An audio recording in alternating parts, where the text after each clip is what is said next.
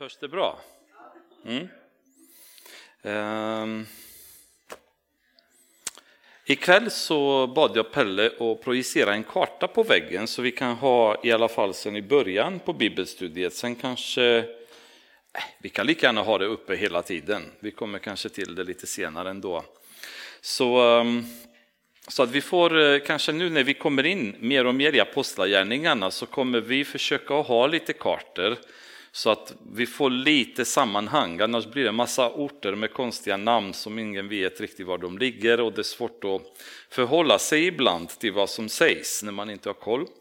Men eh, från och med ikväll i alla fall så börjar vi med, med kartor, sen får vi se hur det blir för varje gång.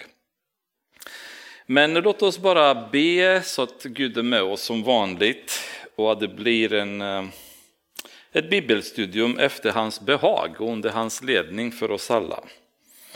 Fader, vi tackar dig för att vi får vara samlade tillsammans, Herre, så dina barn ännu en gång inför ditt ord. Herre, jag ber att du ska välsigna alla som har kommit hit med längtan efter att höra mer av ditt ord och fördjupa sig mer, med att de får den längtan tillfredsställd, Herre. Att de kan gå härifrån eh, gladare, mättare, med mer kunskap om ditt ord, Herre, och med mera hjärtan berörda av din heliga Ande. Så att de kan växa mer, så att veckan som kommer blir lättare att ta sig igenom, Herre.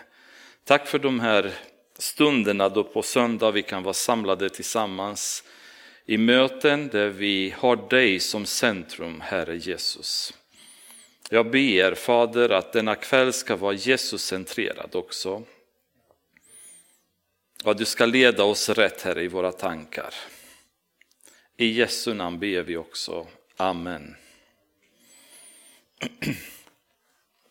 Då tänkte jag att ikväll så fortsätter vi eh, och avslutar, om allt går väl, kapitel 9. Hade initialt tänkt att vi kanske kunde ha tagit slutet av 9 och kapitel 10, men kapitel 10 är så stort, samtidigt så kapitel så jag kände att det, det får vi ta för sig då istället. För att det kommer bli en hel del att gräva i och då hade det varit en två timmars bibelstudium och då hade ni inte kommit igen nästa gång. Så, så att vi håller oss bara i slutet av kapitel 9.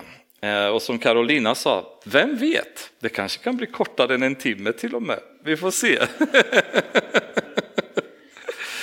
Men eh, Vi befinner oss då nu i, ehm, i förloppet efter Saulus ehm, resa till Damaskus då han blev kristen när han mötte Jesus då kan man säga.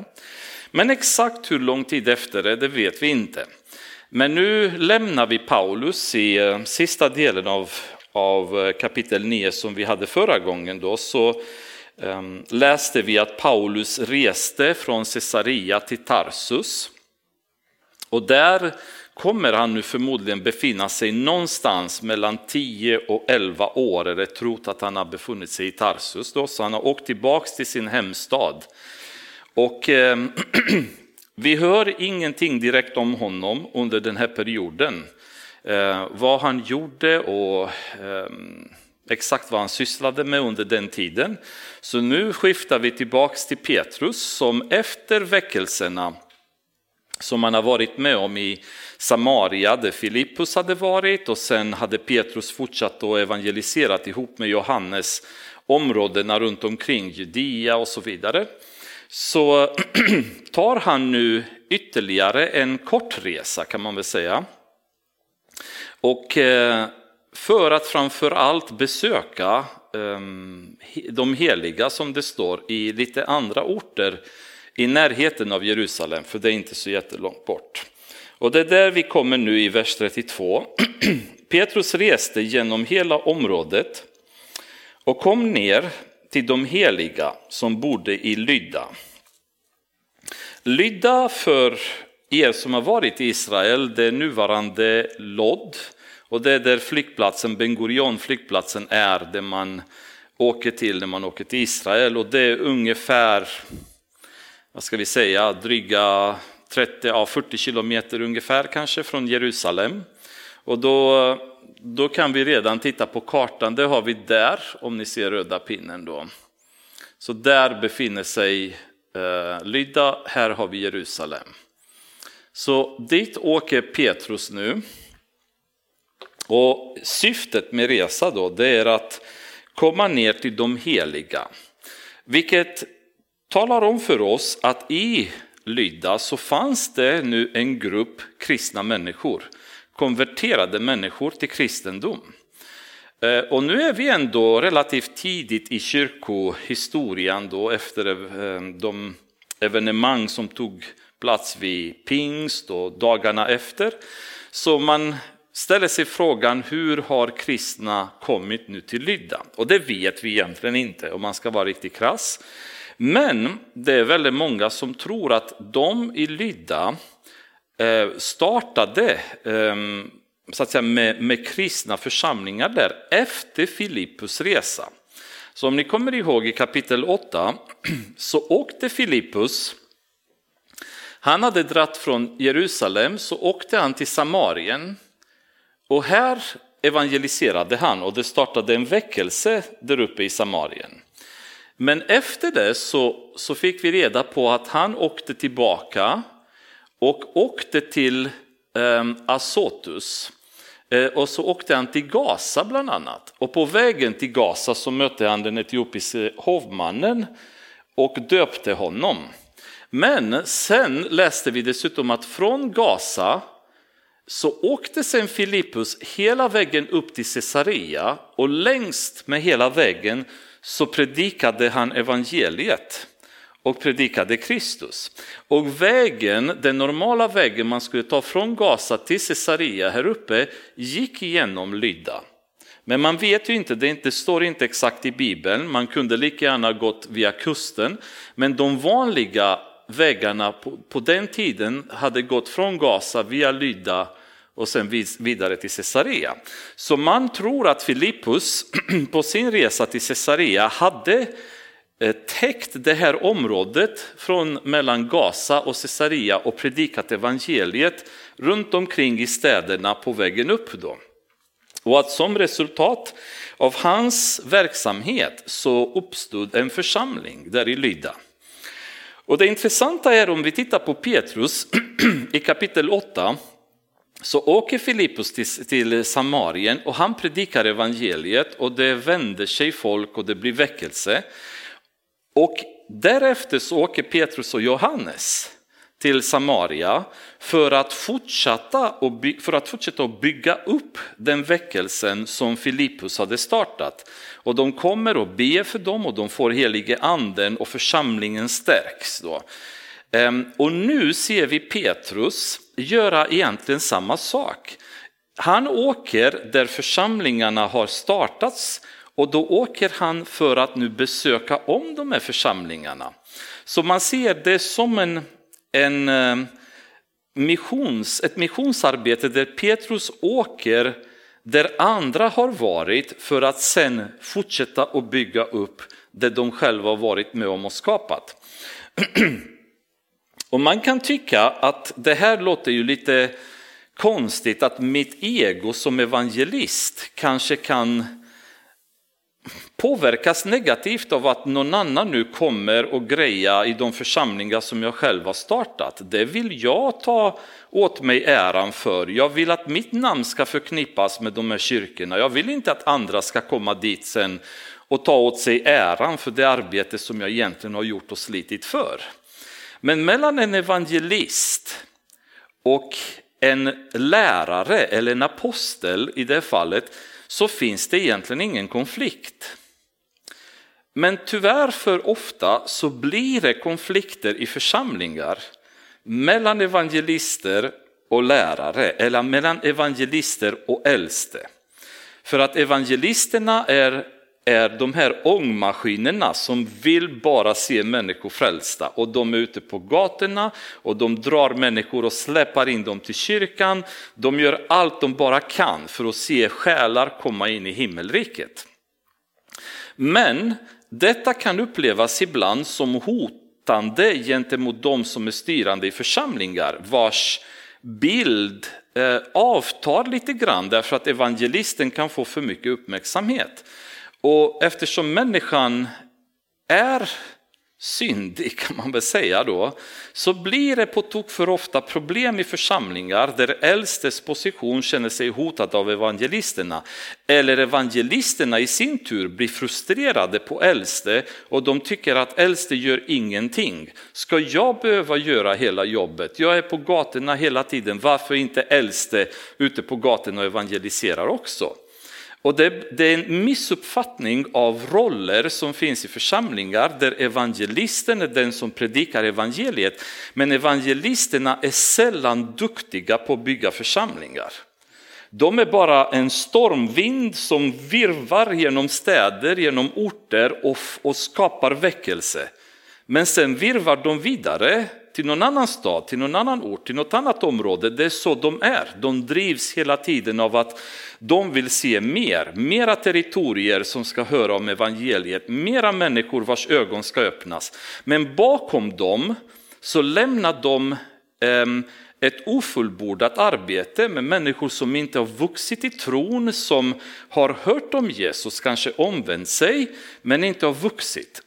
Och därför är det så viktigt att man har ett bra samarbete mellan evangelister och lokala församlingar, äldste, eh, som kan sen gå i de eh, kölvattnen då kan man, kan man säga av det som evangelisten har gjort och ta sig an de församlingarna som har skapats eller ta sig an de nya människorna som har kommit till tro.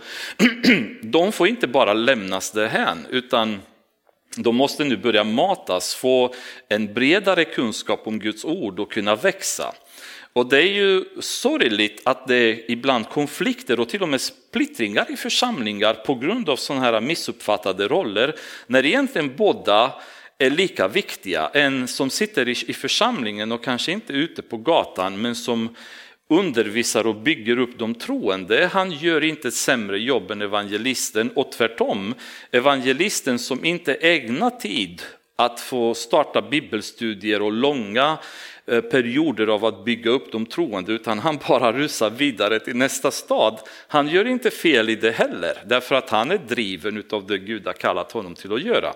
Så det är en fantastisk grej att se hur det här samarbetet i den tidiga församlingen fungerade, där Petrus gick hela tiden runt efter eh, och på orter där andra hade startat församlingar. När vi kommer till Paulus då ser vi nästan lite motsatsen. Han till och med säger att jag vill inte gå där någon annan har gått före mig.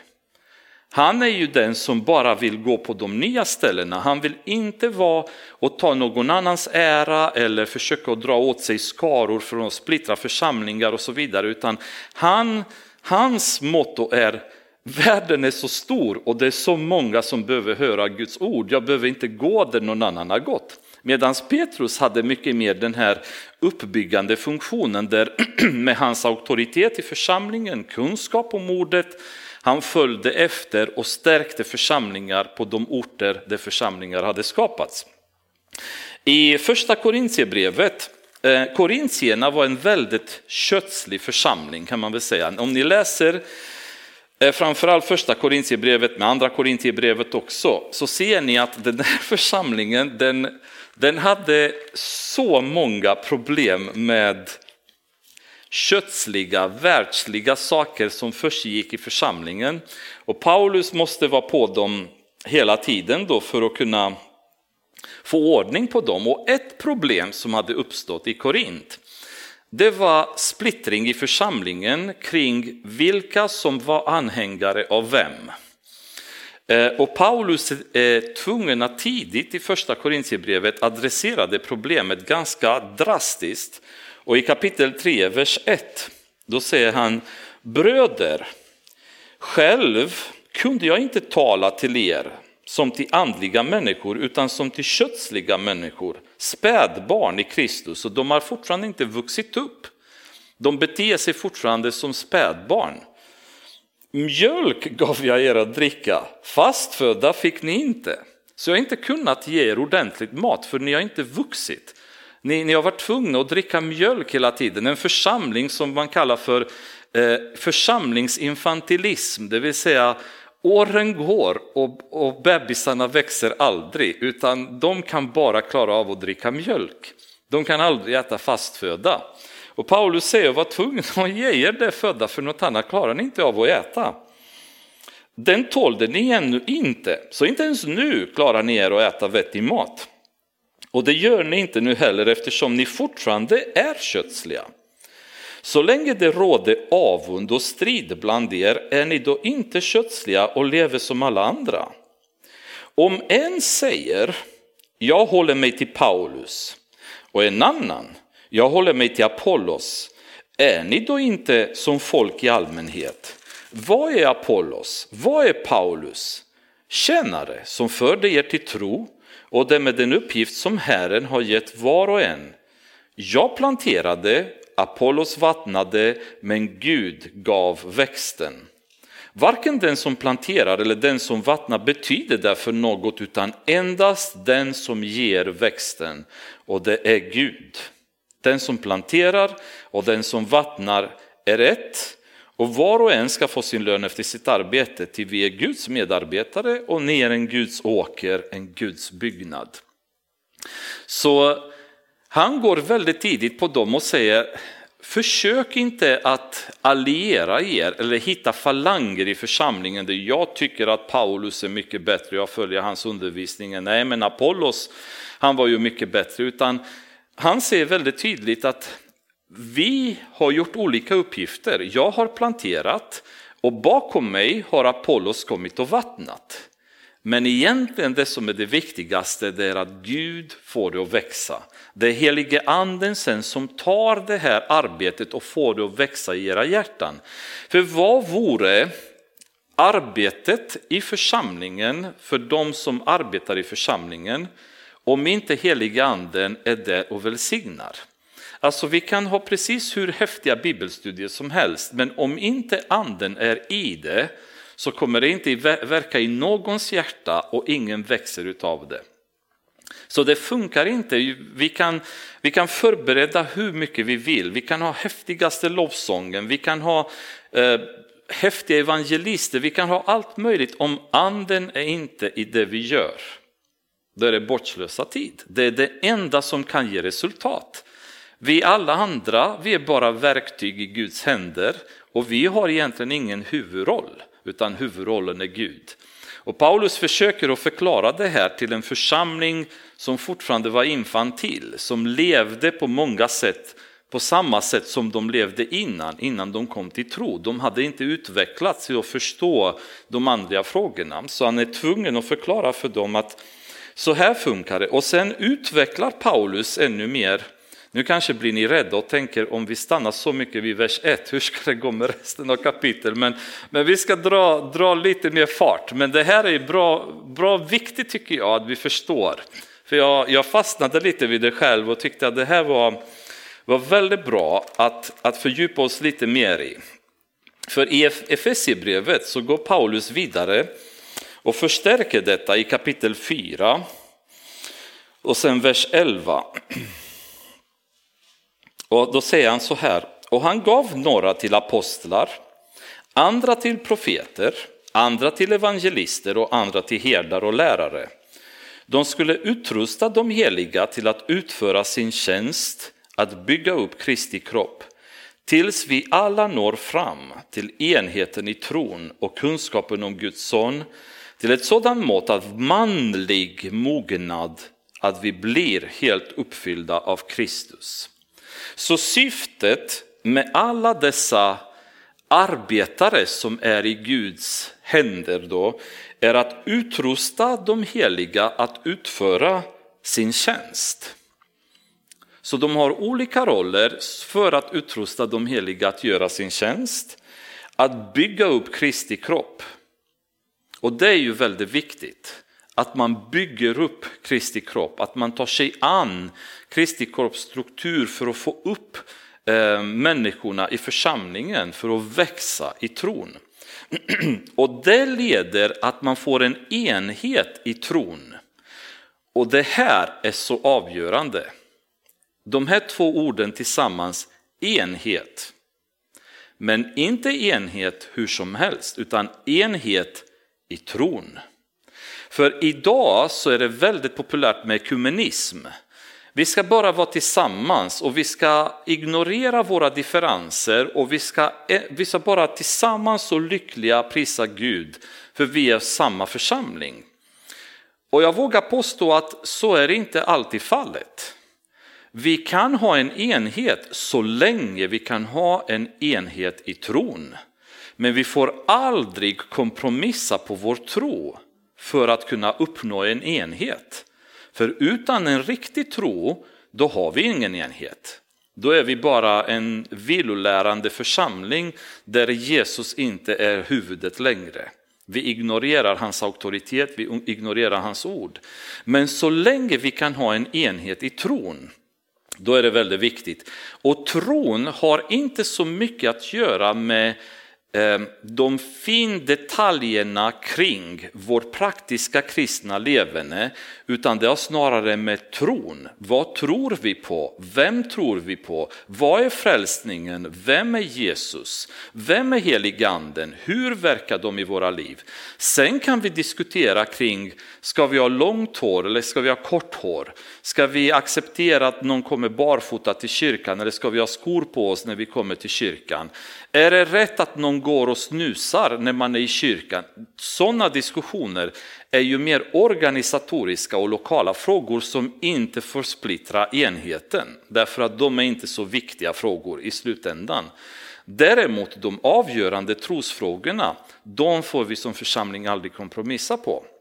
Därför att då är vi en, en församling som så att säga, har tappat tron och utan en riktig tro så är det ingen idé att vi söker någon enhet, för vi har ingen enhet kring någonting att ha.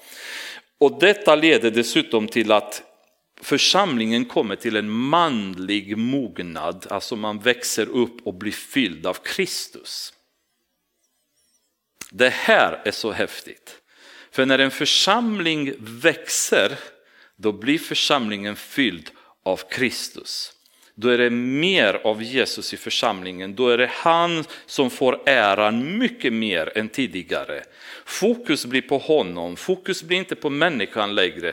Fokus blir inte på eh, underhållning längre, fokus blir inte på synd längre. Utan fokus blir på Jesus. För man har kommit till en mognad där man förstår att allting kretsar kring honom. Det är vi, honom vi är vi rör oss och, fin och finns till, som vi, vi pratade om förra gången. Det är kring honom allting handlar om. Och därför är jag väldigt försiktig och avvaktande kan man säga i min entusiasm kring församlingar där man inte hör mycket om Jesus. Där det försiggår väldigt mycket annat men väldigt lite Jesus.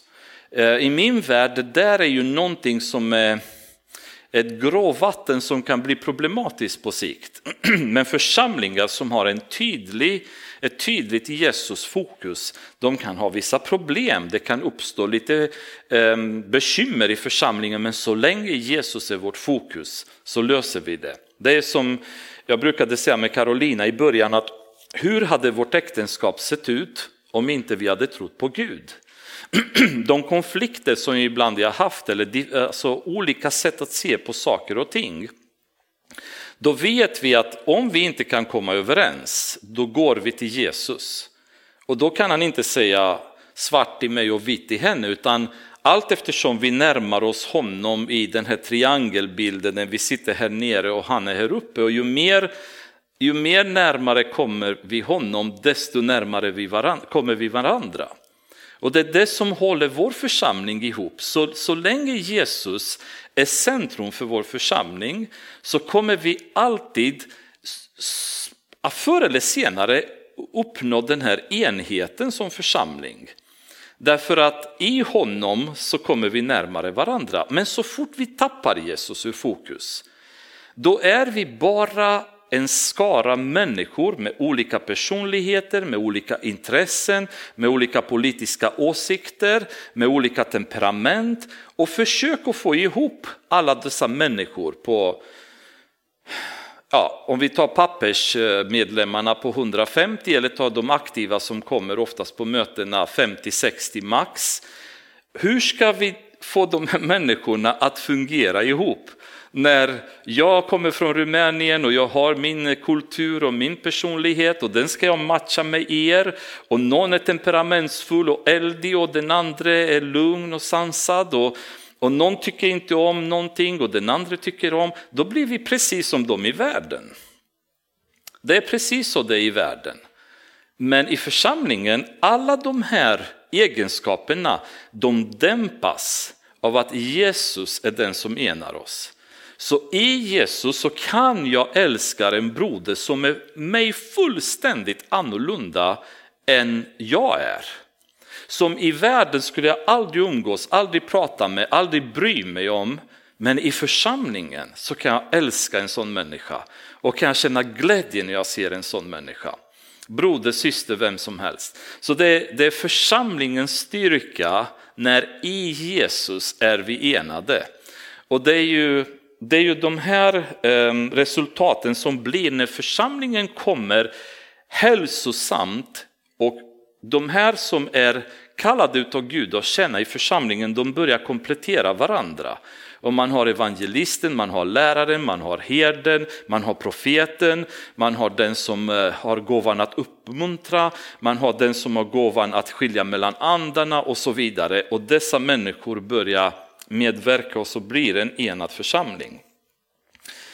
Ehm, ganska mycket om mjölka bara ut vers 1, men eh, det, när man började titta på kartan och förstod att Petrus egentligen hade följt i haserna på Filips arbete, då, förstår, då får man en annan dimension av hur det fungerade i den tidiga församlingen och hur Filippus han, han slet, han sprang, han predikade, han gjorde, men bakom honom då kom de andra som byggde upp, som stärkte de som hade kommit till tro som ett resultat av Filips evangelisation.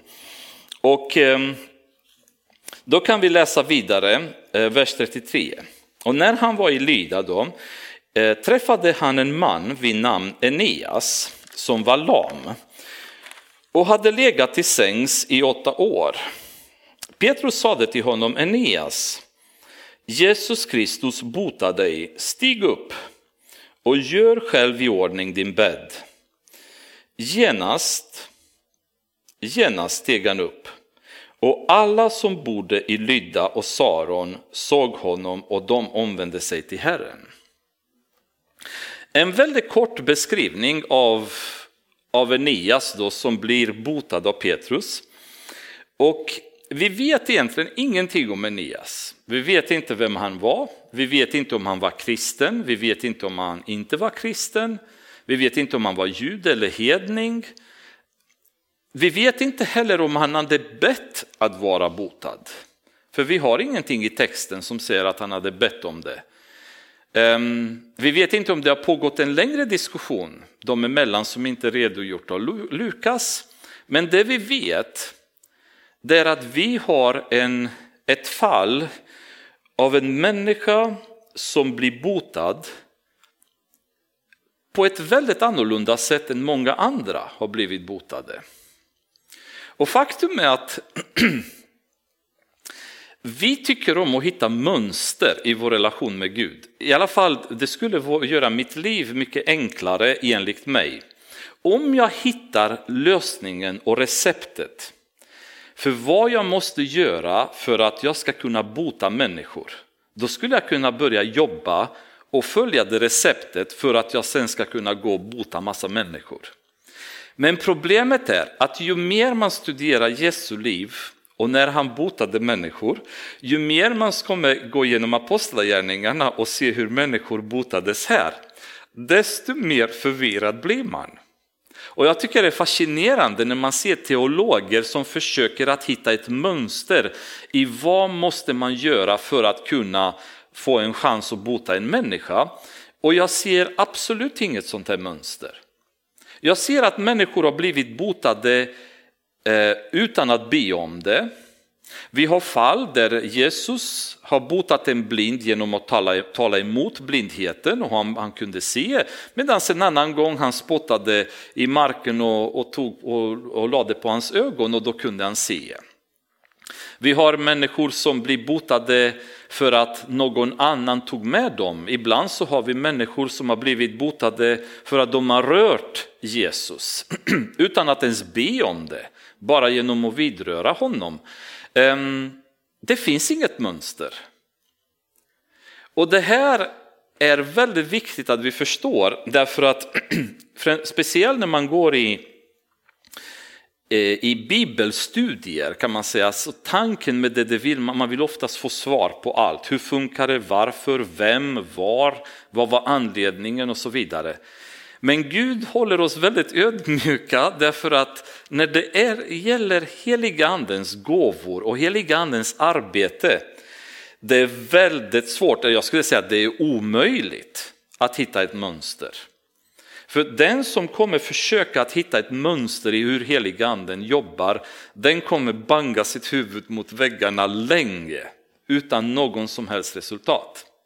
Om vi läser i första Korintierbrevet igen i kapitel 12 så eh, beskriver Paulus lite grann hur helig anden är. Kapitel 12, vers 4 kan vi börja läsa från.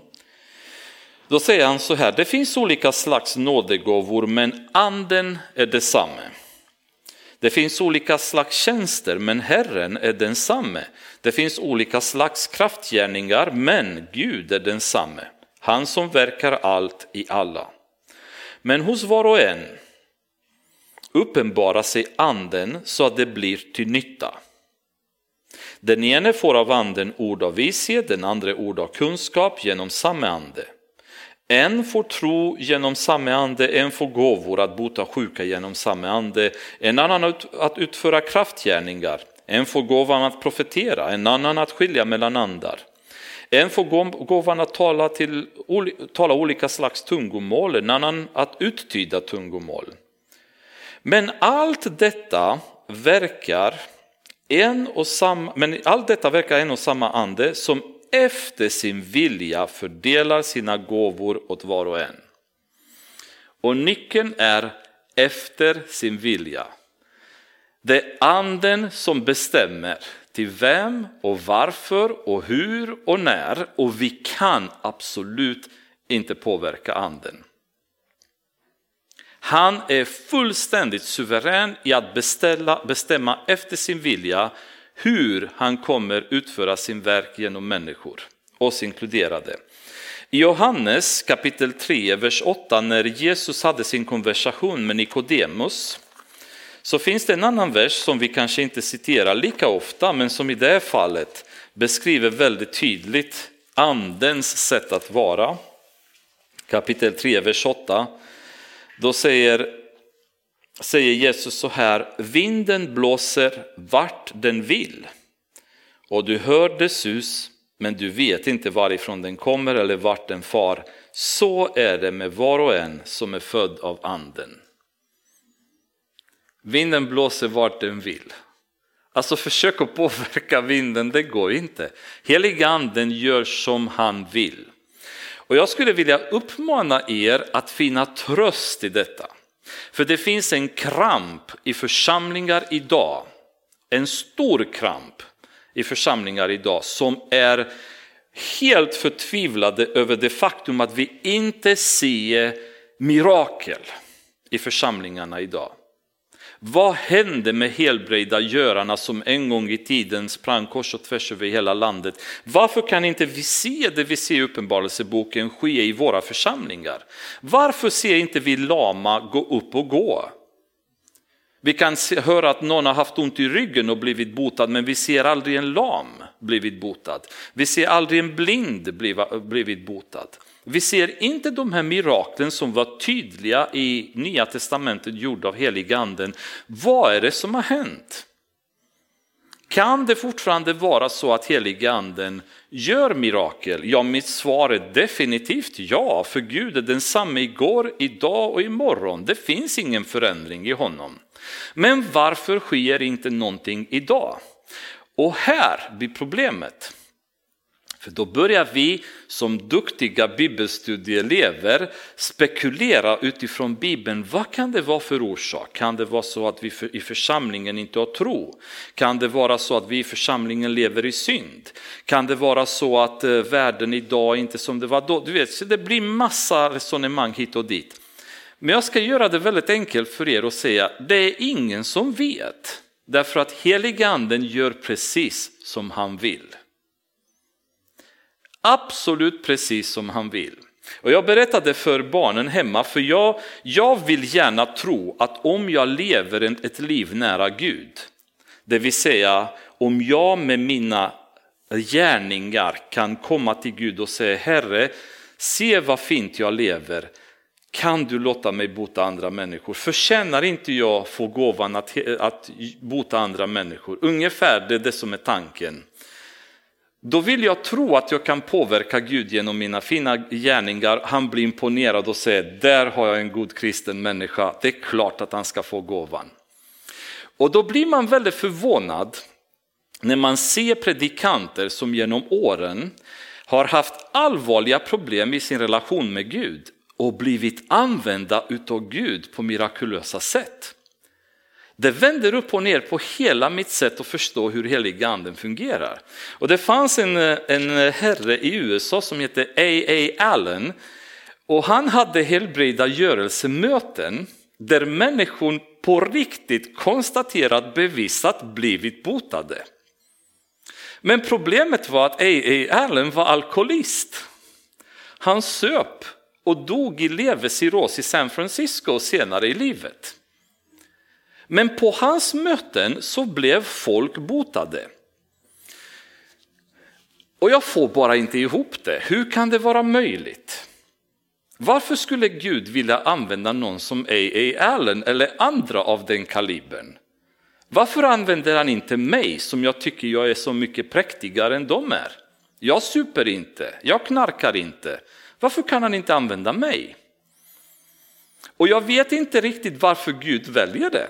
Men en intressant aspekt kan vara så att så länge vi inte förstår att det är Guds nåd som gör mirakel och inte vi, och det är helige ande som gör miraklet och inte vi, så är det ett problem därför att vi tar, åt, vi tar åt oss äran väldigt snabbt.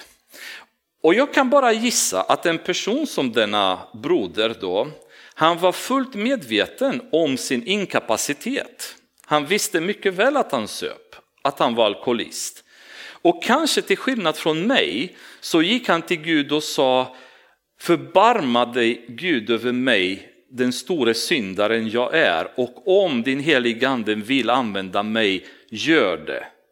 Så som jag är, för jag har inte så mycket mer att komma med. Kanske var en sån person. Och kanske kände Gud att jag kan använda honom därför att han har förstått vikten av nåd. Han har förstått vikten att det inte är genom goda gärningar, det är inte genom mänsklig prestation som Gud arbetar, utan det är precis så som helige anden väljer att arbeta. Och vi kan inte påverka helige andens sätt att välja med vem han vill arbeta, hur han vill arbeta. Och Jesus liv hela tiden vänder upp och ner på de här koncepten där han väljer att arbeta med människor som var fullständigt olämpade för det arbete han vill utföra med dem. Ändå så väljer han dem. Han väljer inte fariséerna, han väljer en tullindrivare som var behandlad som värre än syndarna nästan. Varför gör Gud så? Varför använder heliga ande de människor som vi anser inte förtjänar vi kan spekulera, men det fantastiska med svaret är att vi vet inte och det spelar ingen roll. För heliganden arbetar precis så som man själv vill. I detta kan jag finna tröst. För då behöver inte jag oroa mig över att jag inte kan bota någon människa. Jag kanske kan göra så här, vi kanske kan sucka mindre efter de gåvor vi inte har och använda de gåvor som Gud har bestått på oss, har lagt i våra liv och börja använda de gåvorna. För det är nästan det som jag upplever är problemet, att vi suckar hela tiden att varför kan vi inte bota människor? Varför kan vi inte profetera som man gjorde förr? Men vad händer med de andra gåvorna som vi har fått i våra liv och som vi inte använder? För vi suckar efter andra gåvor, vi vill ha något annat, men Gud har redan lagt så mycket i våra liv som vi kan använda idag. Och vi använder inte det. Så det vore kanske bättre att om vi inte kan bota så kan vi kanske hjälpa någon. Det kanske är så att om vi inte kan profetera så kanske kan vi uppmuntra någon. För att uppmuntra är också en gåva från Gud som människor har. Och det kan vara så kanske att om jag inte kan tala i tungor så kanske kan jag be med de ord som redan har jag fått från Gud. Förstår ni? Så det är ju tyvärr den här krampen, den här jakten på mirakel har gjort att vi har flyttat fokus från de gåvor som vi har, det som Gud har lagt i oss med syfte att vi ska använda till att vi vill hela tiden ha något annat. Vi vill ha det spektakulära, vi vill ha det häftiga. Och varför Gud inte tillåter oss idag att ha lika mycket sånt som förr, det kan vi bara spekulera, jag vill inte ens gå in i spekulationer för det känns helt meningslöst. Vi kan inte gissa vad Gud vill. Men jag kan vila i att heliga anden blåser åt den riktning han själv vill och han själv bestämmer. Och jag ska bara vad den jag är i heliga andens händer och han får guida mig precis som han vill. Dessa gåvor, dessutom om vi läser i Efesierbrevet, de är inte givna för vår egna tillfredsställelse och för vår egna prestationshöjande känsla, utan de är givna för att bygga upp.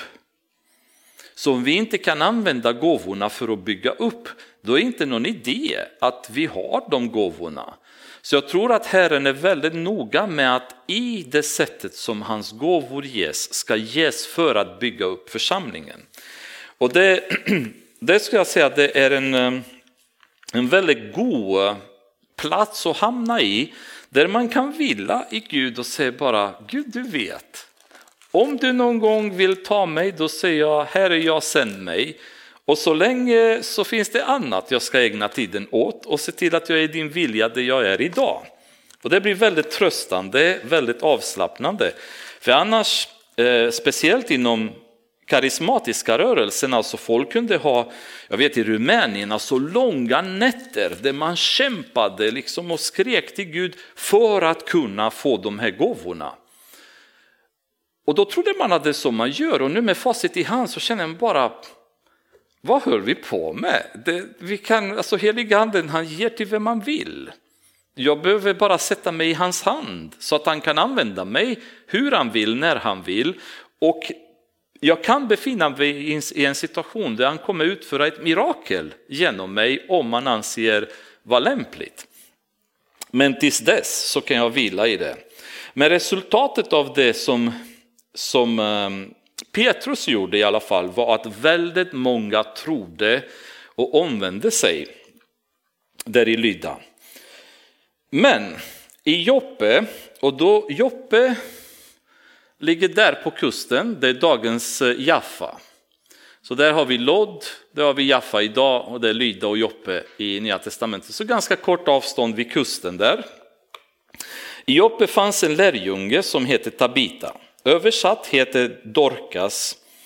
Hon gjorde många goda gärningar och gav rikligt åt de fattiga. Eh, Dorcas betyder gasell, om det spelar någon roll. Då. Men ehm, i alla fall det var arameiska versus grekiska där som de, de eh, ger båda namnen. Ehm, men det var en, en kvinna i alla fall som gav rikligt åt de fattiga. Men under de dagarna blev hon sjuk och dog. Och man tvättade henne och lade henne på övervåningen. Då nu Lydda ligger nära Joppe och lärjungarna hade hört att Petrus var där skickade de två män till honom och bad, skynda dig och kom till oss. Petrus gick med dem och när han kom fram förde de upp honom till övervåningen och alla änkorna kom gråtande fram till honom och visade de livklädnader klädnader och mantlar som Dorcas hade gjort medan hon ännu var bland dem. Så eh, en kvinna helt enkelt som hjälpte väldigt många, tog sig an de fattiga, hon dör. Och det är en eh, stor tragedi för bland annat änkorna som på den tiden levde mer eller mindre på bistånd och levde med hjälp av andra.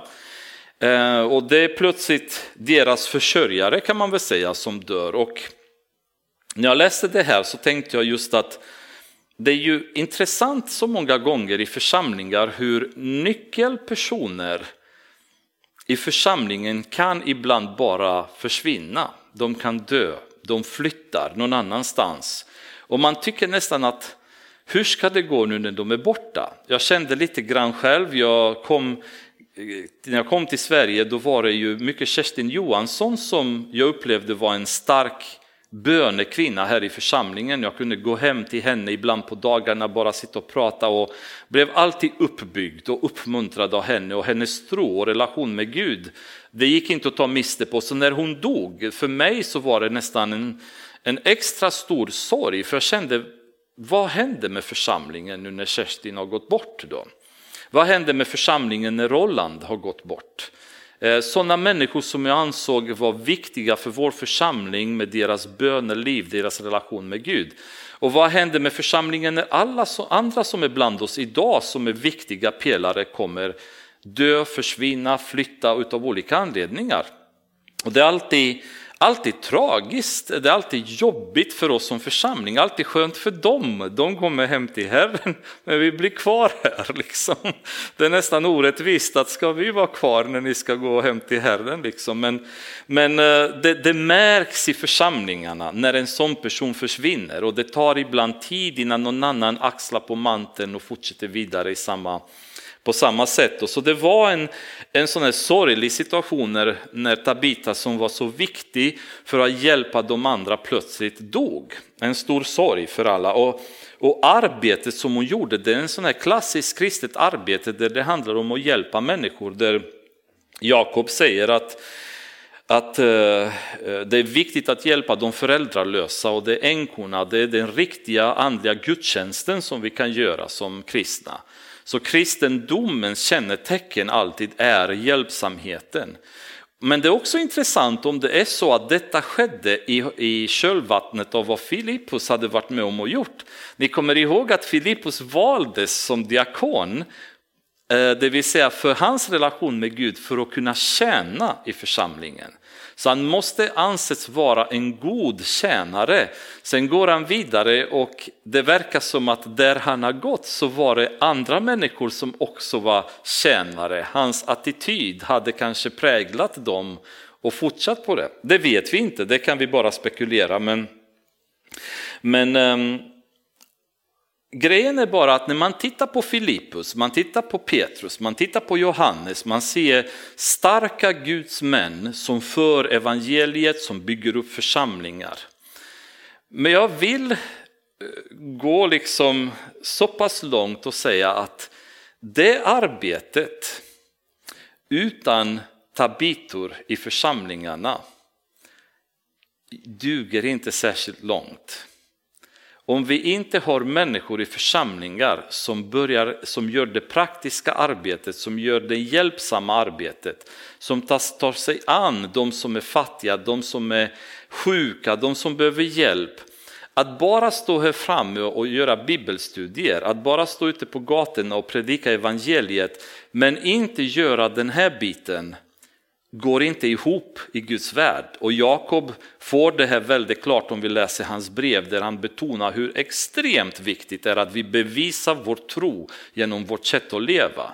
Genom att hjälpa varandra. Vi kan inte bara säga till någon, gå hem, ät dig mätt och lägg dig och sov, utan se till att de har mat att äta, se till att de kan klara sig med det de har. Så det är ju så oerhört tacksamt att det finns människor i församlingar idag som har ett sånt hjärta. Som är ute och hjälper, som kämpar dag efter dag, som är där på barrikaderna och ställer upp. Det skulle inte gå utan.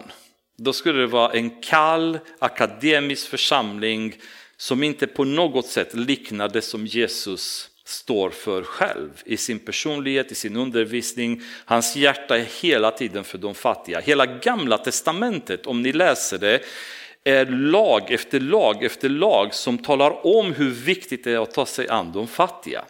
Så för Gud är den delen av undervisningen av kristna livet lika viktig som den som är ute och evangeliserar, den som är ute och undervisar, den som är ute och profeterar eller gör något annat. Att kunna ha människor som är som Tabita som tar sig an de fattiga, för de förvandlar teorin till praktik. Det är de som visar att kristna, kristna tron är en, en tro på riktigt. Vi, vi gör det vi predikar om då och det är ju oerhört viktigt att det finns sådana. Men Petrus skickade ut dem, vers 40, Eh, skickade ut dem alla och föll på knä och bad. Sedan vände han sig mot den döda och sade Tabita stå upp. Då öppnade hon ögonen och när hon fick se Petrus satte hon sig upp. Han räckte henne handen och hjälpte henne upp och kallade därefter till sig de heliga och änkorna ställde henne där och lät dem se att hon levde. När vi läser det här så är det nästan ordagrant det som Jesus har gjort när han återuppväckte Jairus dotter från de döda. Faktum är att till och med i det Petrus sa till henne, det är bara en bokstav som skiljer. Jesus sa på arameiska talita kumi och Petrus sa tabita kumi. Det är exakt samma uttryck, då, det är bara att han har lagt i hennes namn. Agerat på samma sätt, det vill säga han har fått ut alla ur rummet, bett för henne och hon återuppväcktes till liv. Och nu blir man glad, för nu kan man se ett mönster i hur heliganden arbetar, eller hur? Om jag gör som Jesus och Petrus har gjort, då borde det funka för oss också, att vi kan också återuppväcka någon annan. Nej, så enkelt är det inte. Det är nio fall i Bibeln av människor som har återuppväxt från de döda.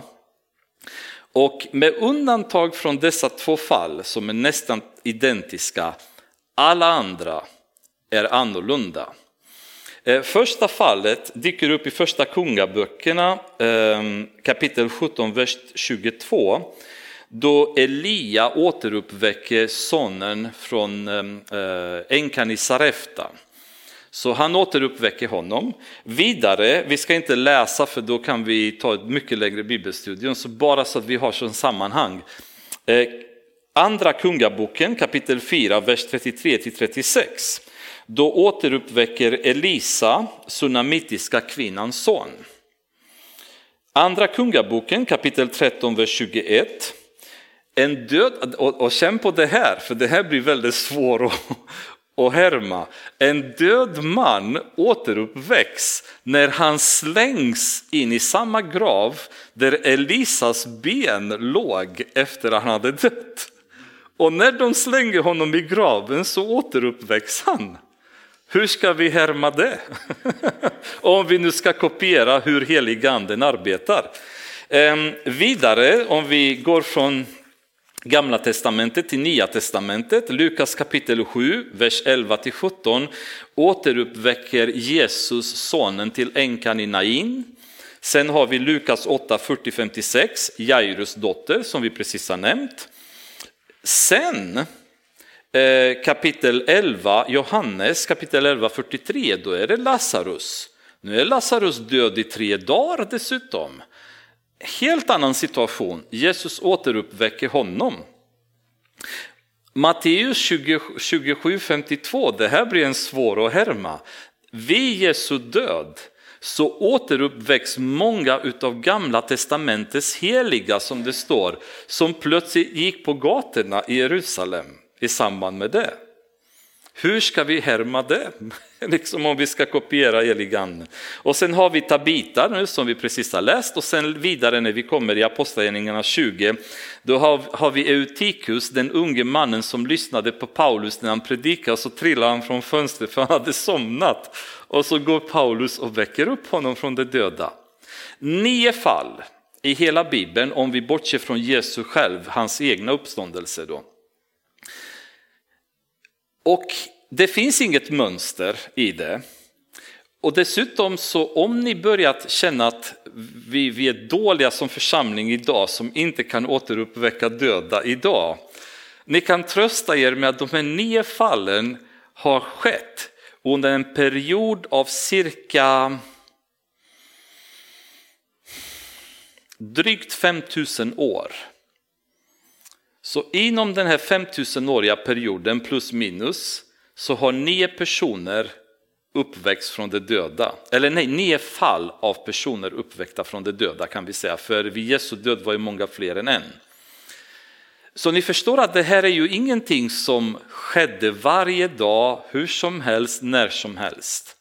Faktum är att det, det skedde ytterst sällan och det skedde bara i samband med människor som var speciellt utvalda och smorda av Gud för en uppgift. Alltså om vi läser om Elia, Elisa och deras profetiska verk, Elia har till och med tagits upp till himmelen utan att ens dö. Så Guds plan med Elia var utöver det vanliga, Elisa likaså. Sen har Jesus kommit, sen har apostlarna kommit.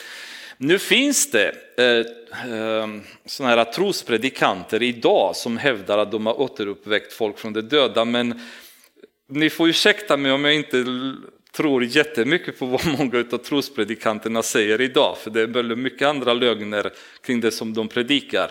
Men faktum är att kan Gud fortfarande återuppväcka människor från de döda idag? Och mitt svar till detta är självklart. Om heliganden vill så är det ingen som kan stoppa honom.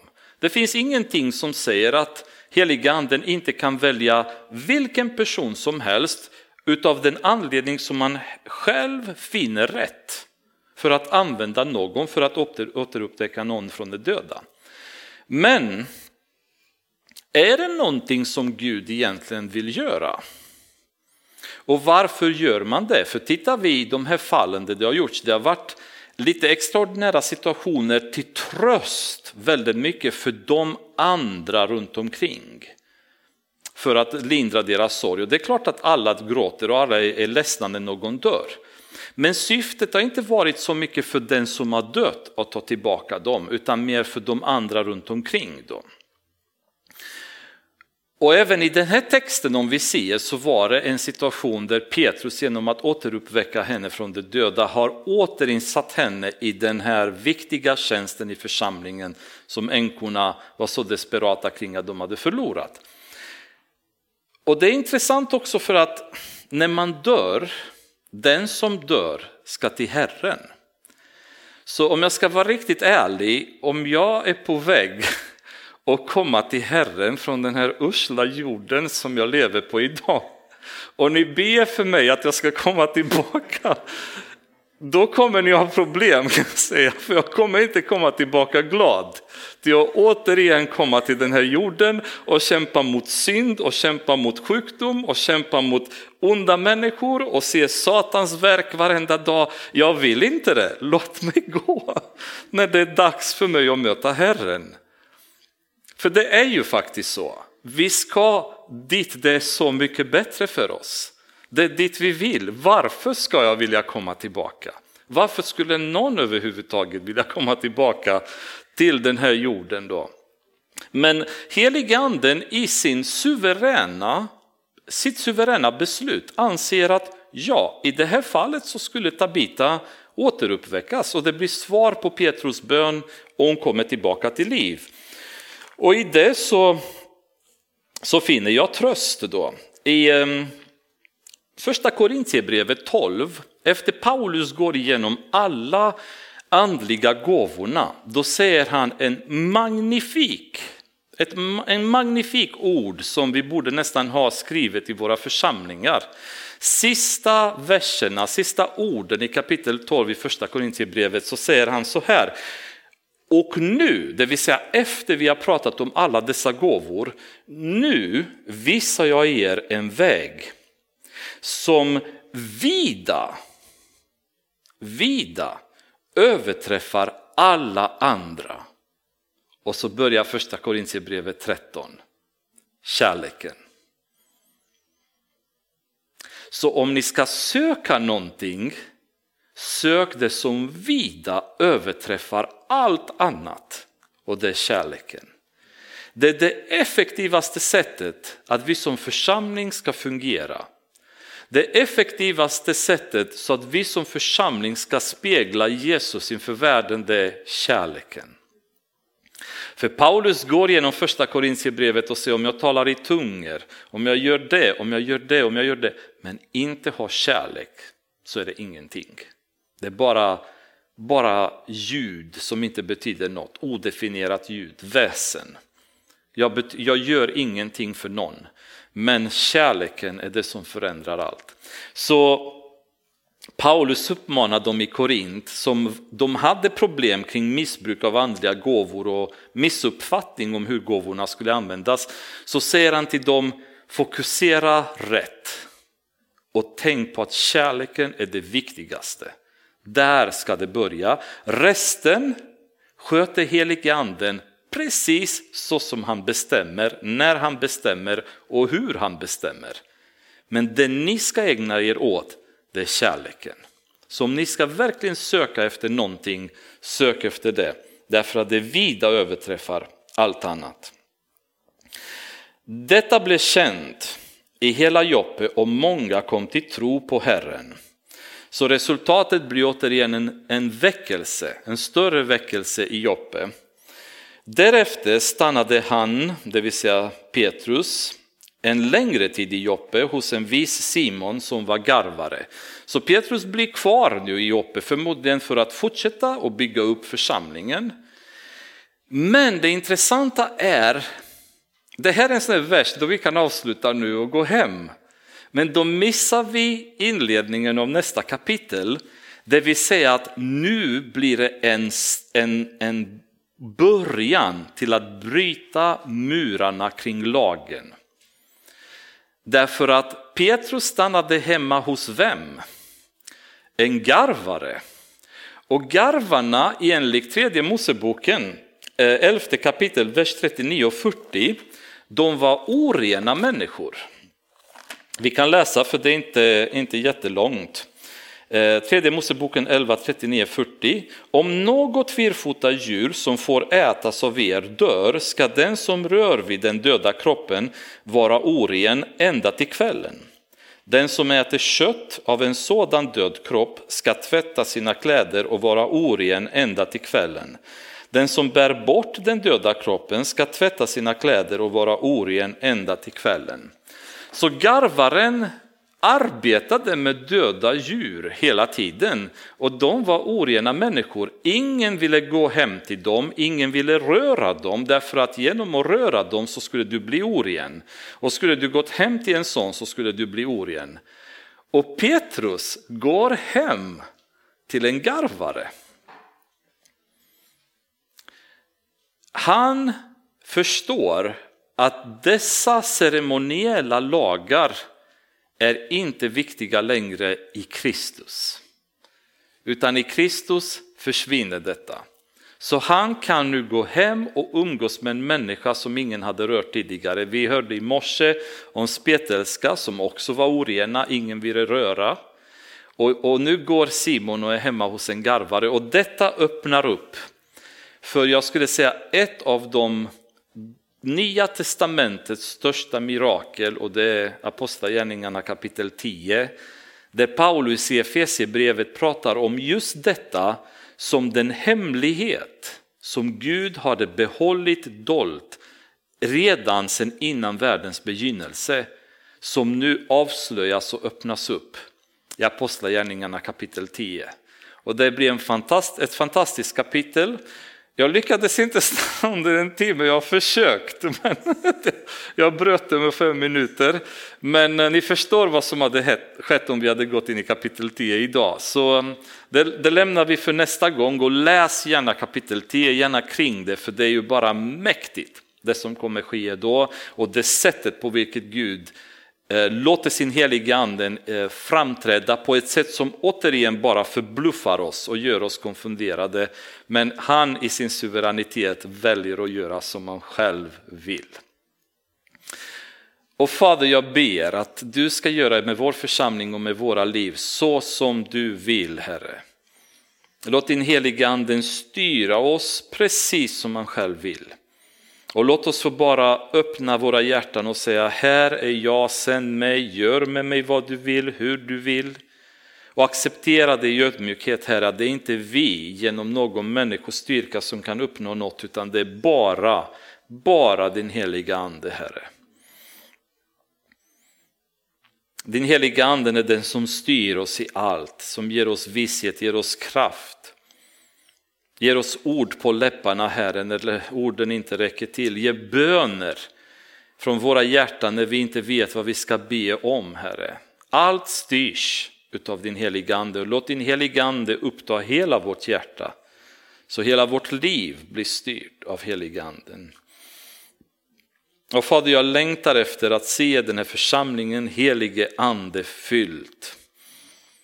Man ser människorna bara göra saker så som du leder dem in på, ser bara allting växa och ser Kristus upphöjas, ser Kristus ha en stor plats i vår församling, Herre. Vår underbara Herre, frälsare, han som betyder allt för oss och gjort allt för oss. Han förtjänar den äran, Fader. Han förtjänar att synas och höras och få den första platsen i vår församling. Och i hans underbara namn ber vi Fader och ber att du ska lyssna på våra böner. Amen.